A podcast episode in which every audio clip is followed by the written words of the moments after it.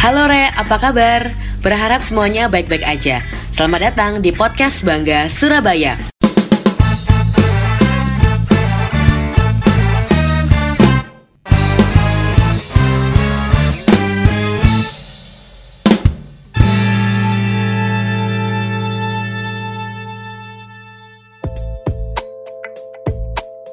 Kali ini ada yang baru, jadi kita bakal mengawali minggu dengan beragam informasi menarik seputar kota Surabaya. Kira-kira bakal ada apa aja ya? Keep stay tune di podcast Bangga Surabaya.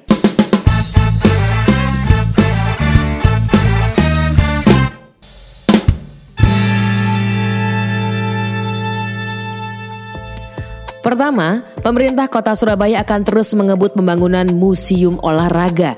Ini yang bakal ditempatkan di gedung Gelora Pancasila. Selama persiapan museum ini, Pemkot Surabaya mendapatkan dukungan dan support dari berbagai atlet yang namanya sudah melegenda di Indonesia.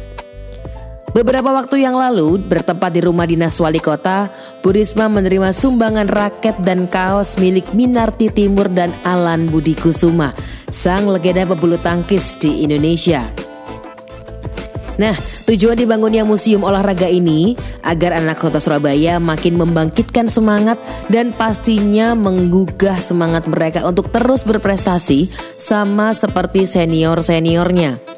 Hingga saat ini, Museum Olahraga sedang menyiapkan bahan-bahan untuk diletakkan di museum dan rencananya museum ini akan diresmikan pada November 2019.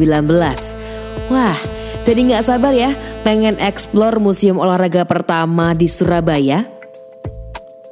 Berita berikutnya masih nggak jauh-jauh dari olahraga. Jadi pemerintah kota Surabaya optimis kota Surabaya menang bidding menjadi tuan rumah penyelenggara FIFA World Cup U20 pada 2021 mendatang.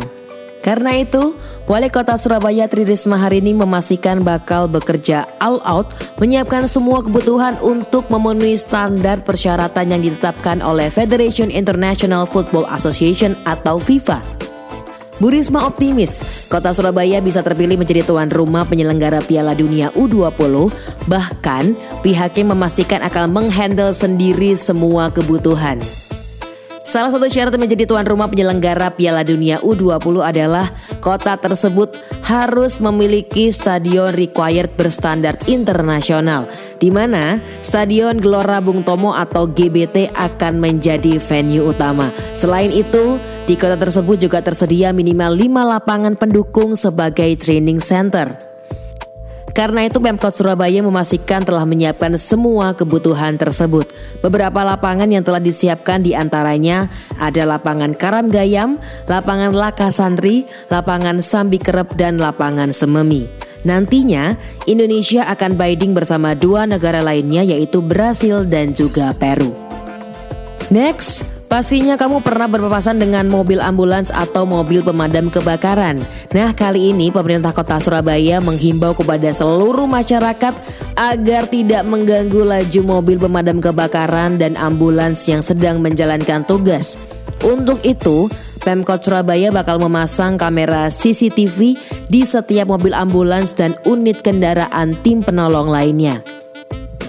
Nantinya, warga yang kendaraannya terdeteksi kamera CCTV mengganggu laju kendaraan tersebut ini bakal dilaporkan ke pihak kepolisian dan akan diberi tindakan tegas. Kok bisa sih Min?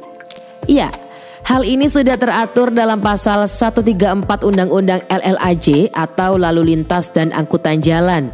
Teratur pula dalam peraturan pemerintah atau PP nomor 43 tahun 1993 pasal 65 ayat 1 yang menyebutkan kendaraan ambulans, pemadam kebakaran dan kendaraan polisi yang menyalakan sirine dalam menjalankan tugas harus diberi prioritas jalan. Jadi gimana nih? Masih mau acu tak acu sama kendaraan damkar ataupun ambulans yang sedang menjalankan tugas? Dan berita tadi mengakhiri perjumpaan kita kali ini. Pastikan ikutin terus berita seputar kota Surabaya.